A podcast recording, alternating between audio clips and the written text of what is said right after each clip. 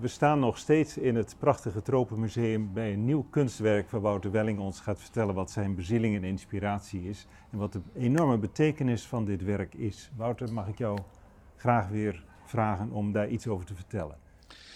Ja, een van de redenen waarom ik het zo'n interessant werk vind, is dat het ook hier weer een kunstenaar betreft die zich heel duidelijk verhoudt tot de spirituele wereld. Hij is een kunstenaar die is ingewijd in de Palo religies, Palomonte specifiek. Dat is een heel ingewikkelde eh, familie van Afrikaanse diaspora-religies. Op Cuba wordt Palomonte uh, gepraktiseerd. Hij is ingewijd, dus hij is ook een uh, ritueel specialist. maar eigenlijk in Amerika gewoon bekend als beeldend kunstenaar. Maar dat is heel erg essentieel in zijn werk dat hij die, uh, dat hij die Palo-achtergrond heeft. Dat is dus Afrikaans van oorsprong door en door Afrikaans van oorsprong, maar gepraktiseerd op Cuba. En hij is daarna naar de Verenigde Staten gegaan. Hij woont en werkt in Miami. En daar is hij ook nog eens geïnitieerd in de uh, Native American eh, religie. Dus ik geloof in zijn geval Sioux.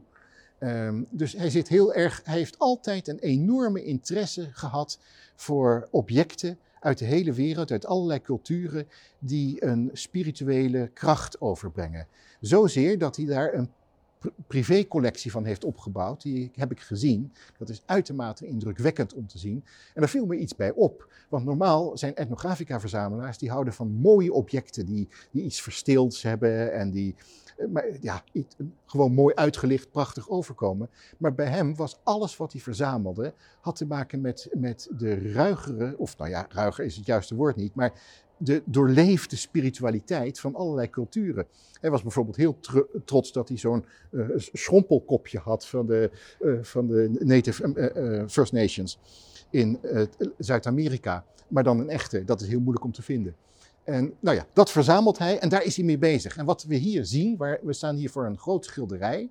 En daar zie je eigenlijk een nachtelijk landschap. We zien hier allemaal bergjes. En het is een sterrennacht. En op een van die bergjes ligt iemand. Een witte, kleine witte figuur. En die kijkt naar de sterrenhemel. En het is alsof hij zichzelf daar duizend keer vergroot terugziet. Hij maakt contact met een, met een, met een sterrenwereld, met een heel spirituele wereld. En we weten dat de persoon die daar ligt een babalawe is, een priester, een, een ritueel specialist, een genezer.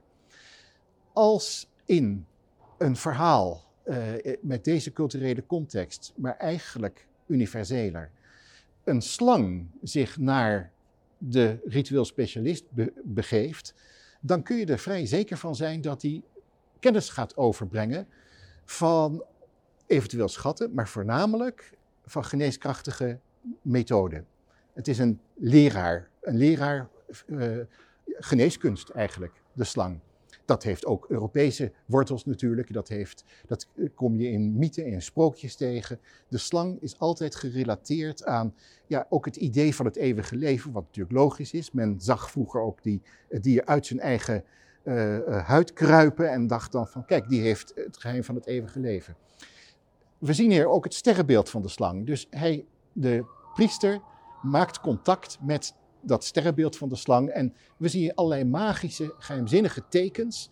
Dat zijn typische palo-tekens. Je zou denken het is boterkaas en eieren, maar het heeft specifieke rituele betekenissen. Want eigenlijk is dat boterkaas en eieren daar weer een afgeleide van het Dikenga-kosmogram uit West-Afrika. En dat Dikenga-kosmogram kom je op allerlei eh, maskers en beelden tegen. En dat staat eigenlijk voor een complete kosmogonie.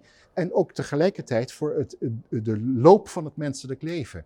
Je wordt geboren, je komt tot volle wasdom, je hebt je kennis vergaard en je keert terug op een gegeven moment naar de wereld van de voorouders. En dat is een cirkel tegen de wijzers van de klok in. Uh, nou ja, dat, daar verwijst dat weer naar. Hij is, uh, zoals ik zeg, die uh, priester. Dat wil dus ook zeggen dat hij zijn eigen altaar heeft. Nou, ik heb een heel lang bezoek aan hem gebracht. En het was zo'n lange dag dat ik helemaal uitgeput was.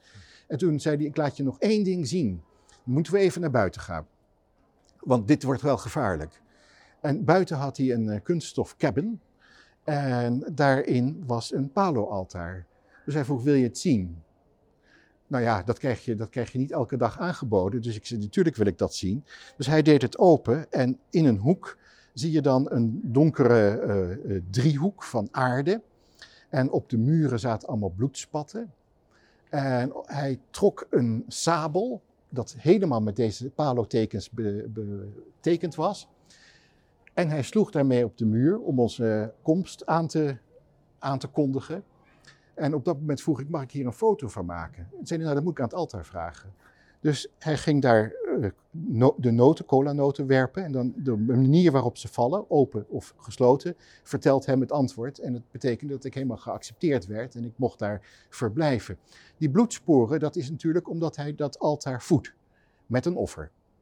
Uh, het altaar moet gevoed worden, want als je dat niet doet, dan gaat het zich met jou voeden. Het is wel wederkerig. Dus dat is dat ik geef op dat jij geeft.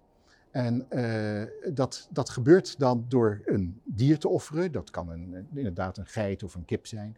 En nou ja, vandaar al die bloedspatten. En toen vroeg ik, zit daar in die driehoek van aarde wat ik denk dat erin zit? Zeiden ja, natuurlijk, het is geen toeristenattractie. Dus dat betekende dat er een menselijke schedel in zit. Want dat is de spirit. Dat is de spirit die hem gaat helpen bij problemen, bij ernstige problemen. Uh, het zegt, waar komt hij dan vandaan? Ja, die heb ik meegenomen uit Cuba. Ik zeg, dat kan niet. Je, je, gaat niet, je gaat niet met je, met je bagage, waar alles tegenwoordig, je wordt ongeveer uitgekleed. En dan, ga, dan ga jij maar zeggen dat je zomaar even een schedel kan meenemen. Ja, want die geest, die helpt mij. Aan anderen zien hem niet. En zo heeft, heeft hij de gekste dingen altijd door de douane gekregen. Verbijsterend. Uh, en dat is hem altijd gelukt. En het aardige was dat toen we dat, nou, uit de cabin terugkwamen, toen voelde ik me weer fris als een hoentje. Alle energie was weer terug. Hij zei, ja, het is een mannenaltaar. Hè? Het, is, het is heel erg een, eh, een, een iets, iets voor, voor een mannelijke energie. Sterker, uh, uh, vrouwen die menstrueren mogen niet in de buurt komen. Want dat trekt bloed. Dus het is, het is, daarom was het ook buiten. En niet in huis, waar die vrouw een kind had. Dus het moest buiten, is gevaarlijk. Nou ja, dat werk is daar zo door, ge, door geïnspireerd. Je begrijpt dat ik dit werk voor de slangententoonstelling heb aangekocht. Mm -hmm. um, maar al zijn werk heeft, heeft ja, voor mij een enorm sterke uh, kracht. Verderop in de tentoonstelling zie je uh, de helende handen.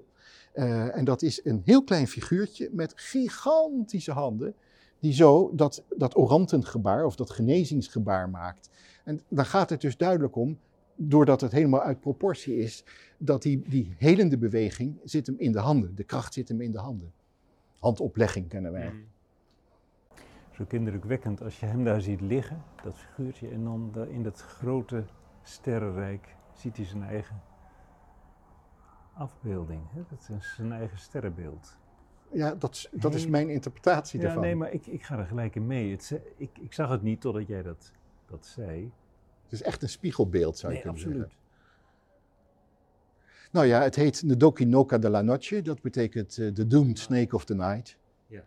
Dus die, die slang die wordt wel meteen negatief neergezet. Hè? Doomed. En dat, dat, wij, wij kennen altijd een soort negatieve houding ten opzichte van de slang. Mm -hmm. Maar dat is niet juist. Mm -hmm. Maar hier zeg je ook, jouw, jouw interpretatie van die slang is dat hij hem dus begiftigt met, met kennis. met ja. kennis. Dus dat is niet zo negatief. Nee, dat is het niet. Maar het, het is het beeld, beeld in de buitenwereld van, ja. ja dit, is, dit, uh, dat, dit is angstaanjagend. Ik zeg erbij, dit is mijn interpretatie. Ja. Ik heb het hem niet uh, verder kunnen vragen, want ik heb dit veel later op een veiling gekocht. Uh, maar het zou zomaar kunnen, want ik heb een keer een gesprek met hem gehad over een beeld dat we in de Rotterdamse haven wilden zetten. Dat wilde ik door hem laten uitvoeren, het is er helaas niet van gekomen. Hmm. Uh, dat was een, uh, een, een, beeld gebaseerd op een schilderij van hem, dat heet Lucero viene alumbrando. En dat betekent Lucero komt het licht brengen. En dat is een figuur met hele grote horens. En ik liet dat toen aan de toenmalige directeur zien, van dit leek me een leuk idee om dat buiten te zetten. Zeiden, nou moeten we oppassen, want de haven in Rotterdam is heilig. En Lucero, met die, dat, dat zou de duivel kunnen zijn. Daar had ik het over met uh, José en die zei, ja, het is totaal niet de duivel. Integendeel. Het is een hele positieve kracht die de weg wijst. Maar het zal door een aantal mensen ook zo geïnterpreteerd ja. worden als iets, iets ja. negatiefs, als ja. iets bedreigends. Ja. zeker door christelijke ogen, is alles Precies. wat gehoornd is. Ja, ja. Hè, eh, dat is, dat is eh, angstaanjagend. Eh, daar bestaat een hele interessante studie over van een, een vroeger Egyptologe en hekserijdeskundige Margaret Murray, omstreden, ik weet het, de Horned God. En, en, en ja, dat, dat kom je in heel veel culturen tegen, maar dit, dat wordt gevreesd door dat beeld van de duivel. Die slang is natuurlijk sinds Genesis niet meer in een goed daglicht te zetten. Hè? Nee. Dat, eh, dat typeert onze wereld. Maar, ja, maar daar, daar, daar hebben de gnostici natuurlijk een heel ander beeld van. Hmm. Want de gnostici zagen de slang als een heel positieve kracht. Hmm. Die, die ging immers de mens wijsheid, kennis aanreiken, die een slechte scheppergod, de demiurg, hen wilde onthouden. Dus die is positief. Hmm. Dus het, je, Maar het andere twee beeld kanten. overheerst het andere is volledig gaan overheersen. Ja, Ja, ja, nee, klopt. Klopt. Ongelooflijk.